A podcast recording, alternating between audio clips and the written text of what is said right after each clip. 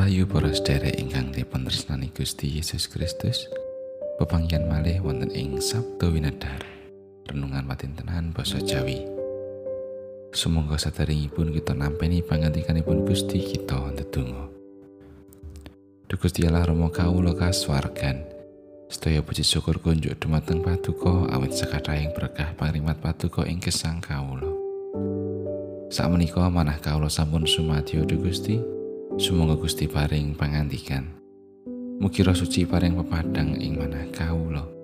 Satemah kawula kasagetaken nindakaken dawuh paduka.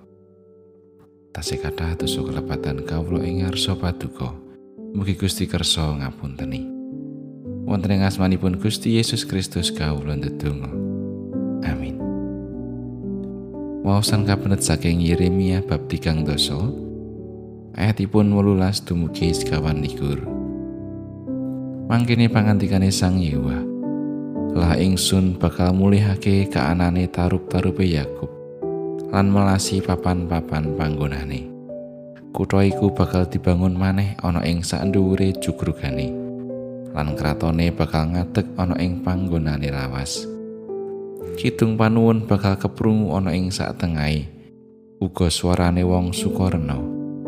ingsun bakal ndadekake tangkar tumangkar lan ora bakal suda maneh. Ingsun bakal ndadekake wong iku padha linuhurake lan ora disepelekake maneh. Anak-anake bakal dadi padha kaya mbiyen. Lan pasamuane bakal tetep lestari ana ing ngarsaning ingsun. Ingsun bakal ngukum saking wong kang padha meres. Wong kang ngereh bakal jumedhul saka ing antarane wong-wong iku dhewe. Lan wong kang nguasani bakal muncul saka ing tengahe. Ingsun bakal damel bisa sebo wong iku lan cedhak kelawan ingsun. Amarga sapa kang wani ngetohake nyawane supaya cedhak kelawan ingsun. Mangkono pangandikane Sang Yewa. Dene sira bakal dadi umat ingsun lan ingsun dadi Allahira.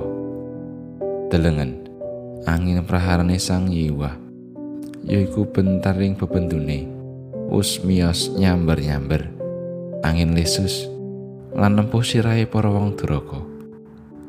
Bebendune sang yewah kang mulat-mulat iku ora bakal sirep. Nganti opo kang wis sirenancang ana ing galihe wis kaleksanan lan maujud. Ing wekasaning jaman sira bakal ngerti bab iku. Makatan pangantikanipun Gusti ayat na sing ayat 18 mangkono pangandikane Sang Yewa. La ingsun bakal mulihake kaanane tarup-tarupe Yakub lan melasi papan-papan panggonane. Kutha iku bakal dibangun maneh ana ing sak dhuwure jugrugane. Lan kratone bakal ngadeg cecek ana ing panggonane lawas. Tembung pulih menika kaginakaken kangge nggambaraken kawontenan dados sae malih kados sadaringipun. Upaminipun pulih saking sakit ateges sampun saras malih. Kita mbetahaken pemulihan dadosa menika pamulihan magepokan perkawis kasarasan badan, ekonomi, kawontenaning brayat utawi katentremaning gesang. Nalika kawontenan gesang nemai momotan kados to sakit ingkang boten gambil kasarasan, saged kemawon kita kecalan pangajeng-ajeng kayut pemulihan badan. Kawontenanipun bangsa Israel kagambaraken sakit sangat. Dosanipun tiang Israel ndatengaken bentu saking Gusti Allah. Bangsa Israel katelukaken dening bangsa Babil. Kita Yerusalem lan padaleman suci kagempur. Dene rakyatipun sami kabekta dhateng Babil minangka kawula. Pambuangan ing Babil ingkang dangu dadosaken sirnanipun pangajeng-ajeng bilih Israel badhe pulih malih. Ananging Gusti paring pangandika lumantar Nabi Yeremia. Pilih panjenenganipun badhe mulihaken Israel. Tiang ingkang tasih wonten ing pambuangan badhe kapitulungan rahayu. Satemah saged wangsul mranata gesang ingkang langkung sae ing negaranipun piyambak. Gusti kuwaos nyarasaken sakitipun Israel ingkang sampun sanget. Gusti kuwaos ngluwari Israel saking kawontenan ingkang tanpa pangajeng-ajeng. Israel tinimbalan pitados lan mitadosaken pitulunganipun ing panguwasipun Gusti. Kados dene tiyang Israel, kita ugi saged nemahi kawontenan gesang ingkang awrat. Asring kita ugi ngraosaken pepesing pangajeng-ajeng. Pangantinganipun Gusti ngangetaken bilih kita nggadahi Gusti ingkang kuwaos mbabar pamulihan. Badya kados pundi kawontenanipun? Kita katimbalan supados tansah pitados lan mitetesaken pitulungan kita dumateng Gusti. Amin.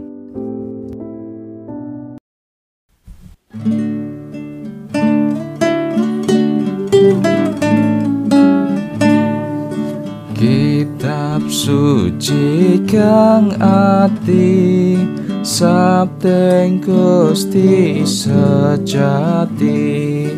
Endah sak endah Nugroho saking Allah Nugroho saking Allah